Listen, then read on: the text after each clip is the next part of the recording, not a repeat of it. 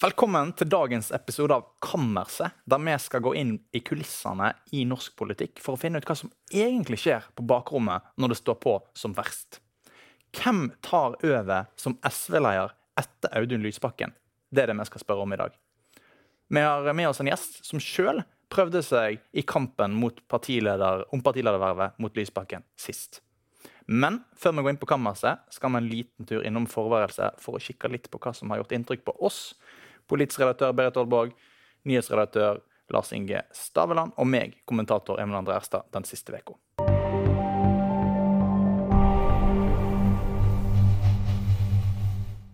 Lars Inge, hva er det som har gjort inntrykk på deg eh, siste uka? Jeg har gått litt ned i kollokviegruppa mi. skulle Jeg si. Eh, jeg har lest en bok eh, som mange på borgerlig side var opptatt av, av Christian Skov om som 'Borgerlig krise' i Danmark. Hva skjedde med de visjonene som uh, min generasjon uh, hadde? Den trua på at alt kom til å ordne seg. Liberalistene, optimismen etter murens fall. Uh, og den splittelsen som har sett på borgerlig side, i, spesielt i Danmark. da. nerdete, deilig lesestoff. Du anbefaler det? Mm. Litt, den kan jeg anbefale. Litt 90-tallsnostalgi? Ja. Berit? Du, jeg har faktisk vært ute og reist. Siden vi satt der forrige gang, så har jeg vært i Egypt.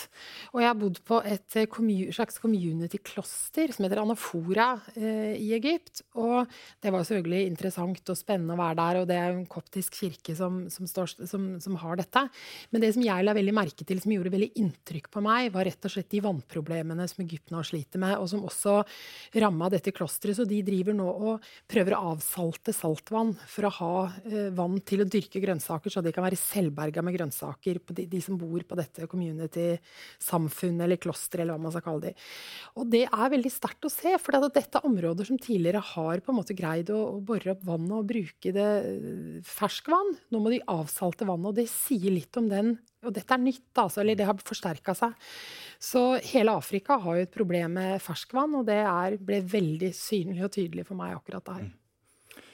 Så Berit, du har vært i kloster. Jeg har lest en kronikk av Trond Giske. Eh, og det har gjort inntrykk på meg denne uka. Eh, der eh, han skrev om eh, bistandspolitikken til regjeringa. Gikk kraftig i rette med bistandskuttene og mente at eh, Noe både du og jeg også har gjort det med? Ja, vi har gjort det. Så det å havne i, i samme bås som Trond Giske her, det tror jeg mange i bistandsmiljøet kanskje kjenner litt sånn ambivalens til. Eh, og jeg tror altså, Jeg tror mest av alt, eller iallfall framstår dette kan jeg si, som et forsøk på å trolle Støre-regjeringa. Eh, eller bygge seg opp sjøl som en eh, kandidat som har et videre politisk liv i, i Arbeiderpartiet. Det er iallfall uansett fascinerende lesning, eh, den kronikken som ligger på NRK. Og så må du, han, han, mener det jo, sånn at det er jo en bit av det også. Det er jo ikke bare trolling. Absolutt. Men eh, da er vi klare for å gå inn på kammerset, og der sitter det en gjest og venter på oss en av de mest erfarne SV-politikerne i landet, som hadde flere statsrådposter fram til 2013, men som nå har blitt byråkrat og Norad-sjef, nesten alltid smilende Bård Vegar Solhjell.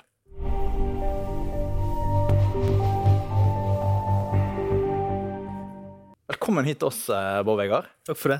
Veldig hyggelig å ha deg her. Og du er jo en som har utrolig mye erfaring fra toppen i SV. Du har vært statsråd og eh, hatt mange roller.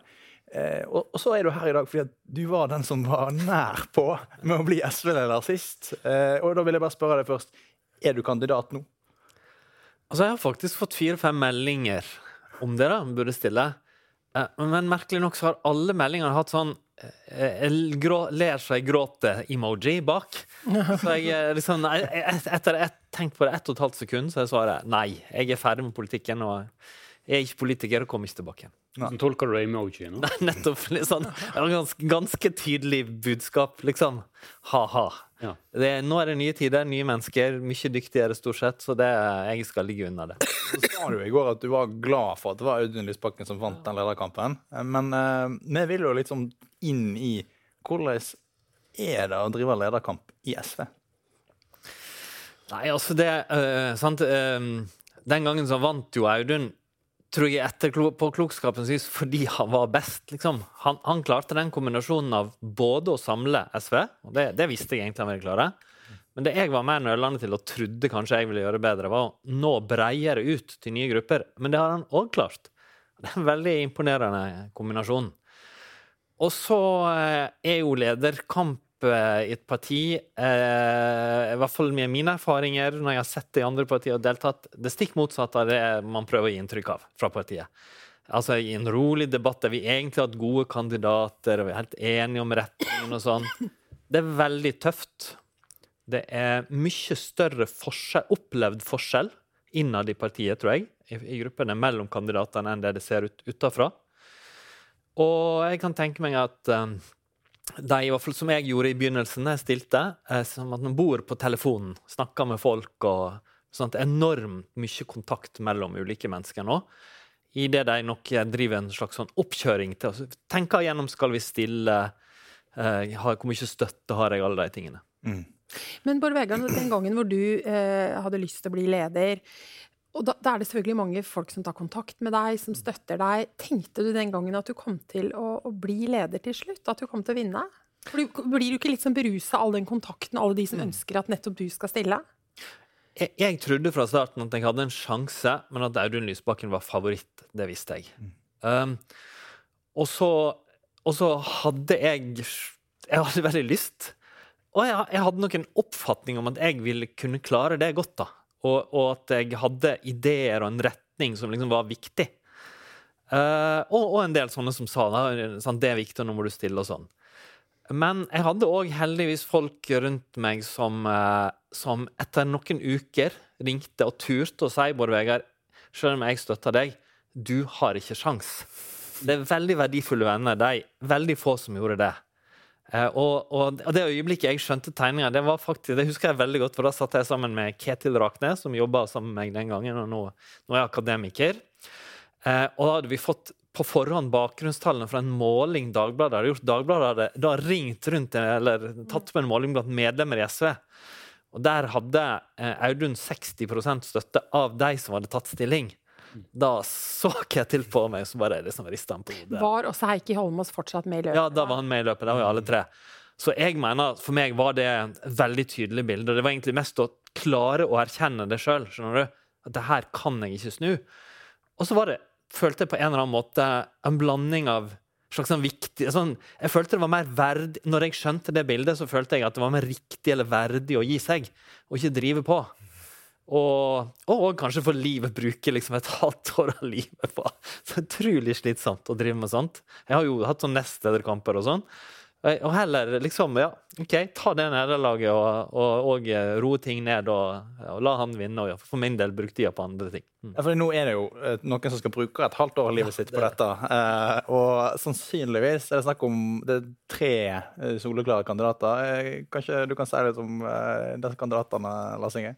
Ja, altså, Det er jo uh, Kari Elisabeth Kaski, uh, og så er det Kirsti Bergstø, uh, og så er det Torgeir Knag Fylkesnes. kanskje, kan, kanskje, du kan si litt om Du nevnte at dette bildet er kanskje litt annerledes der ute i, mm. i mediene enn det som foregår på bakrommet. Hva tror du de tenker på akkurat nå? Jeg tror, jeg tror alle tre tenker seriøst på om de skal ta på seg det det er å være leder i et parti. Mm. Altså, jeg hadde jo, Den gangen hadde jeg tenkt på det på forhånd. Jeg er helt sikker på at alle de har tenkt en del på det på forhånd òg. Men det er litt forskjell på at du har gått og tenkt på det, og, og plutselig er det liksom, nå, nå, gjelder det spørsmål.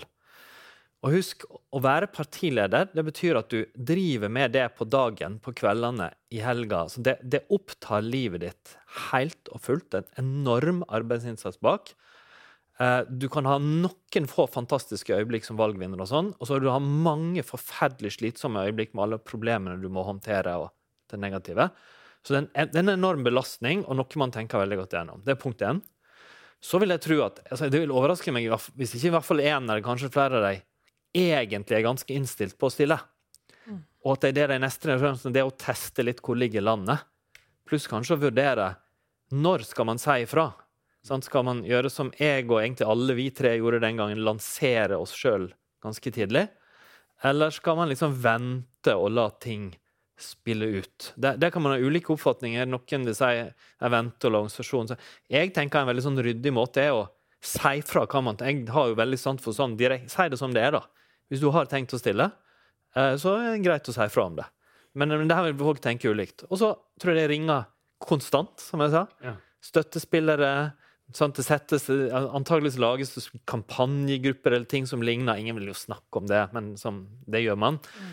Veldig viktig. Hvordan ser det ut i fylkene? Hvordan vil det spille seg ut? Hva, hva måte skal prosessen være på? Hvordan ser valgkomiteen ut? SVs, for SVs del så fins den. Hvem støtter de som sitter? Alle den typen spørsmål bruker de tid på. Men Bård Vegar, når du stilte der, og, eller eh, vurderte om du skulle stille, var det sånn at du blei Du var sikkert kanskje noen som du var overraska over støtta deg, og motsatt, som du trodde skulle støtte deg. Blir man såra i sånne prosesser? Hvordan, hvordan er det liksom å være en kandidat som stiller livet sitt til disposisjon, og så er det noen Såra er litt hardt ord, men liksom altså, tenk, hvis, dere, sant, hvis dere skriver veldig negativt om noen som kommentatorer, så vet begge dere to at da kan de bli såra og litt irriterte og huske det. Tenk i dagliglivet, hvis noen sier noe ganske sånn til deg som er negativt om noe viktig, så husker du fort det litt lenge.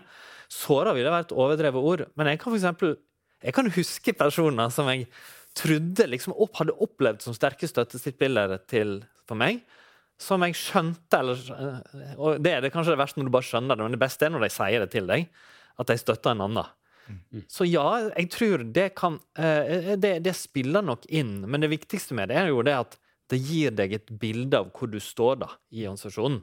Så jeg mener at det beste er å få vite det litt. For min del så tror jeg det var veldig viktig at jeg skjønte det tidlig og kunne gjøre det som for meg var riktig valg da, å hoppe av. Altså, nå sier jo Audun Lysbakken at eh, det her blir en eh, saklig og konstruktiv prosess. Litt sånn som eh, mange tenker, men som du sier at er ikke helt realiteten på innsida. Og så sitter vi med tre kandidater. Kaski, som er i mammaperm, og som egentlig sitter i finanskomiteen. Eh, Torgeir Knag Fylkesnes, som er forhandlingssjef på Stortinget for SVs gruppe. Og så har du Bergstø, som har vært vikarierende partileder, og som har sittet på Stortinget. Eh, er disse tre kandidatene så altså, Hva kan du si om forskjellene mellom dem? Står SVs framtid på spill her? Altså, la meg bare først si om det, er sant? det er både en saklig debatt og et spill. Husk at dyktighet betyr masse. Altså, min viktigste tese som partileder er at de dyktige lykkes stort sett. De dårlige eh, har store problemer med å lykkes, eller skal i hvert fall ha veldig flaks for å lykkes. Og så er det en saklig debatt. Jeg tror ikke du kan orke å være partileder uten en veldig dypt saklig engasjement, en visjon, liksom en, følelse av at du kan ta noe videre. Så det er òg der. Men så er det et spill om å vinne det. Og der er min erfaring eh, fra SV, men som jeg òg har observert i partier vi har samarbeida med før, når jeg var politiker, og sånt, i Arbeiderpartiet og Senterpartiet og sånn, at frontene er mye hardere internt enn det folk skjønner utad. Man legger mye arbeid i å være et samla lag, men til dels kan den opplevde forskjellen mellom politikere være enormt stor innad i et parti. Kanskje Arbeiderpartiet er vel nok det vi har sett mest det utafra. Jeg har opplevd at det er sånn i både SV og Senterpartiet og, og, og andre partier òg. Og så spiller ikke det alltid så tydelig ut, fordi når du blir leder, så skal du prøve å ivareta litt ulike grupper. Sant? Så det har betydning hvem som velges, men de reelle meningsforskjellene kan være større. Pluss at det kan være personlige ting og folk som overdriver det veldig òg. Så jeg tipper at mange innad i SV nå opplever det som et enormt stort og viktig valg. Der, der det har avgjørende betydning, og der de kan komme til å si at åh, det er forferdelig Ja. Det, Og det er kanskje Det vanskelig for deg å gå inn og si liksom hvor de ligger politisk, men, men dette er jo en ting som diskuteres veldig mye i SV om dagen. Og Kari Kaski, eh, som vi har snakka litt om, er ute i permisjon nå, men hun oppleves nok kanskje mer som en slags sentrumskandidat. Og fra distrikts-SV så vil nok hun bli oppfatta som litt sånn eh, byjente. Um, selv om hun har nordnorsk bakgrunn, men litt, litt av hvem hun er. Og så har du da de to andre, Kirsti Bergstø, som, eh, som også nok mer oppleves som en distriktskandidat av en eller annen grunn. Og kanskje blir i hvert fall merkelappen hennes er at hun ligger litt mer til venstre. Eh, og kanskje det samme med Torgeir Knag Fylkesnes, at de blir oppfatta at det ligger kanskje litt mer til venstre enn Kari. Hvor, jeg, jeg har lyst til å spørre, for dette, det er jo sånne bilder som vi hører. Noen sier, noen sier liksom at eh, ja, vi må ha en ordentlig sånn venstresidekandidat. og må? Man legger vekt på sånne ting. Hvor viktig tror du det blir, hvilken bilder man greier å liksom tegne av disse figurene i forhold til at de vinner valget? Dette spinnet, på en måte, hvor stor betydning har det faktisk? Hvor vellykka det er? Altså, det, det har en del betydning. Jeg, jeg tror f.eks. du har rett at Kirsti Bergstø har bakgrunn i et miljø som helt klart har vært venstrefløyen i SV så lenge jeg var med i SV, i hvert fall. Mm. Og, og, jeg jobba jo sammen med henne mange ganger, og det var ingen tvil om at hun liksom er en klar venstrefløy. Um, og de som da definerer seg der, vil støtte henne. Sånne dimensjoner, og sånne dimensjoner vil det være med de andre eh, kandidatene òg. Eh, ofte geografiske dimensjoner som er sterke, som kanskje ikke er så tydelige her, faktisk. Fordi alle tre er jo fra Nord-Norge, mm. og to av dem, eh, Kirsti og Kari, representerer henholdsvis Akershus og Oslo på Stortinget nå. Eh, men det som, det som jeg tror undervurderes, er òg at veldig mange av delegatene på et landsmøte ikke er blant de få som har en identitet som høyrefløy eller venstrefløy eller distriktsfløy eller blidfløy. Mm. De bare vil det beste for partiet sitt. Mm. Og de vil òg se på hvem, hvem, hvem er kjempegode i debatter når de representerer SV utad. Hvem tar hensyn? Hvem var lett å få tak i på Stortinget og, og fulgte opp sakene? Hvem føler de blir respektert av andre og helt tydelig måtte, har sjanse til å nå gjennom med politikken i forhandlinger? Den type spørsmål. Så jeg, min, mitt personlige syn er det er å vektlegge dyktighet og eg, forskjellige egenskaper. Da. Dyktighet er jo ikke bare én ting vel, eh, sterkest mulig. Mens jeg tror at som du vet, innad i partiet så er det klart at de fløytingene spiller ut, enten det er SV eller et annet parti. Og hvem er det? Altså fløyene? Nei, Hvem er det av de tre som representerer SV best? Det er, det er, dere er jo kommentatorer. så det er sånn, jeg, jeg, jeg har ikke tenkt å altså det, Når jeg sjøl var i SV-ledelsen, så var det verste jeg visste, det var liksom de tidligere, de avgåtte SV-ene som skulle synse i mediene. Og, så det har jeg tenkt å ligge unna. Og, og, så er jo dere helt sikkert kompetente til å, gjøre, til å gi seerne og lytterne vurderinger. Ja, jeg synes vi skal ta en vurdering her. Eh, Lars Inge, hvem er din favoritt? Uh, det vet jeg ikke, rett og slett. Altså, jeg ser jo da at vi, vi som jobber i media, som dette, på Fint, har kanskje tenkt på Kaski. Eh, Pga. at hun på en måte spiller på enkelte strenger som er veldig sånn, eh, hva skal jeg si, urbane, eh, som oss. Eh, men eh, hvorvidt hun har en forankring i partiorganisasjonen, da er litt eh, vanskelig å si. Men det er jo flinke alle tre. Berit? Nei, altså jeg Jeg syns uh, alle tre er interessante kandidater. Men når jeg ser de på debatt på TV, mm. så syns jeg at Kari Kaski er overlegen. Mm. Jeg syns hun klarer å løfte liksom, SV opp på et nivå som gjør det litt mer interessant for, for liksom, de interne fløyene i SV. Og jeg tror også at hun vil kunne eh, Hvis jeg hadde vært i SV, så ville jeg tenkt at hun har nok en større mulighet til å spise seg litt innover Ap-segmentet, da. Som jo mm. etter hvert også blir mindre, men likevel. Mm. Jeg tror òg det. Jeg tror, jeg tror Eh, mange peker på at nestlederkampen mellom uh, mellom Kaski og eh, Knag Fylkesnes, der han vant med ni stemmer på landsmøtet i 2019, uh, at det er et bevis på at hun vil tape en lederkamp mot han. Jeg tror stikk motsatt. Jeg tror å velge en nestleder er en helt annen valg for et parti enn å velge en partileder. Og jeg tror nesten det at hun ikke er nestleder i dag, er en, er en fordel i den, i den, kampen. For de to andre de har vært nestledere under Lysbakken. Men eh, vi kan ta feil. Dette er jo bare nedre analyser fra media. eh, som jeg leste på Facebook i går. Hun minner meg litt om Kristin Halvorsen. Det gjør hun. Kaski minner meg Men, men en ting til. Altså, de skal jo da sikre de velgerne de har på venstresida, og der kan hende at Bergstø har et, eh, en fordel. Godt poeng. Kan. Vi, må, vi har jo Norad-sjefen her òg. Ikke bare tidligere SV-politiker. Og eh, hvordan, eh, bare ett spørsmål. Hvordan står det til eh, med bistanden, og hva, hva, hva trengs nå? Det står bra til med bistand men dårlig med verden. Altså utviklingsland. Jeg tror mange ikke har fått det med seg, men etter en generasjon med enorm framgang, sånn halvert barnedødelighet, færre fattige, så går det nå veldig dårlig i mange utviklingsland. Og det er litt sånn, Jeg er egentlig optimist av natur, så det er brutalt for meg å si det. Men fattigdommen vokser, klimaproblemene slår inn, og nå krigen i Ukraina har blitt Putins krig mot fattige land òg, fordi matprisene øker, og det er så alvorlig der. Og Vi ser jo derfor på mange måter at bistand blir viktigere, og vårt arbeid blir mer meningsfylt og viktigere, men òg vanskeligere.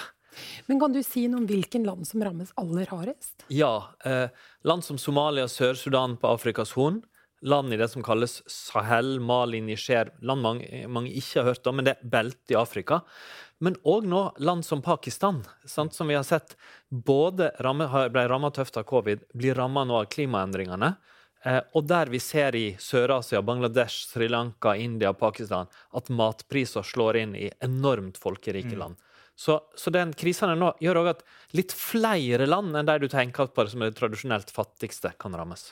Der fikk vi heva blikket. Eh, vi må videre. Tusen takk eh, Borge, for det. Eh, vi må videre i episoden, for vi har jo et fast punkt eh, som vi har kalt Vekas profeti. Der både vi eh, i panelet og gjestene skal komme med hver vår vågale profeti.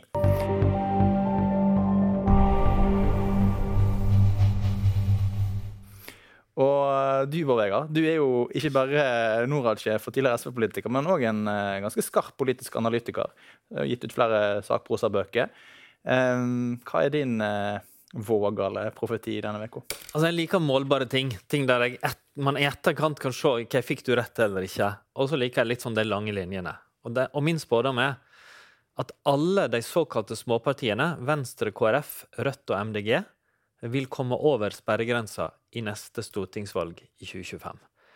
Og jeg tror det vil skje dels fordi det er en trend i Norge og andre land med en, sånn oppsplitting fra de store partiene, sosialdemokratiske og konservative, til flere partier.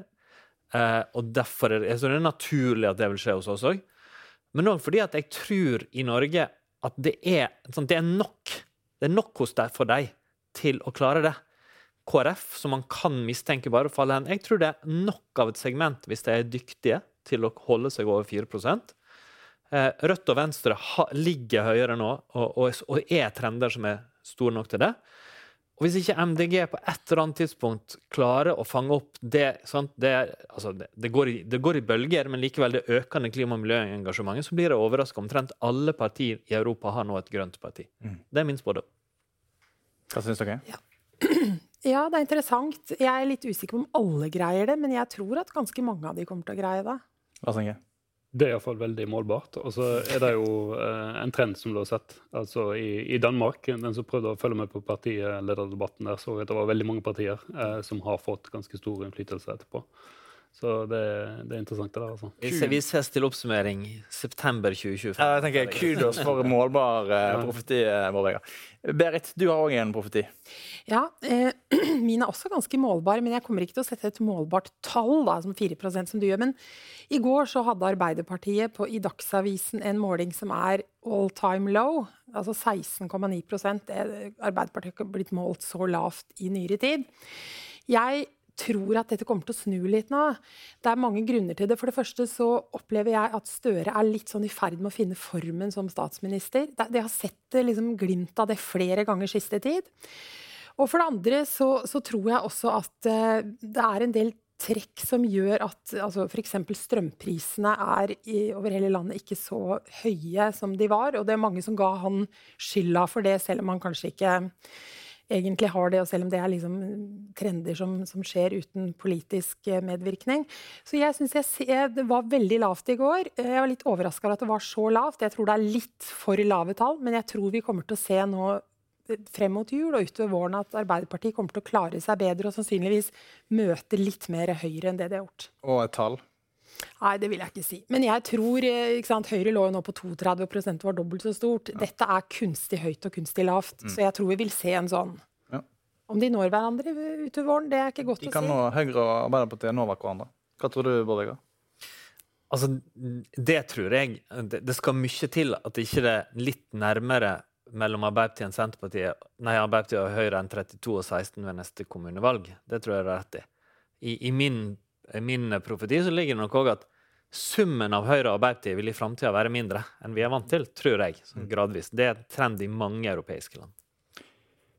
Det var det vi rakk i dag. Tusen takk til alle dere. Og vi sier òg takk til dere som ser på og lytter. Og dere kan gjerne sende oss ris, ros eh, og innspill på kammerset alfakrøll vl.no. Og så er vi snart tilbake med en ny episode.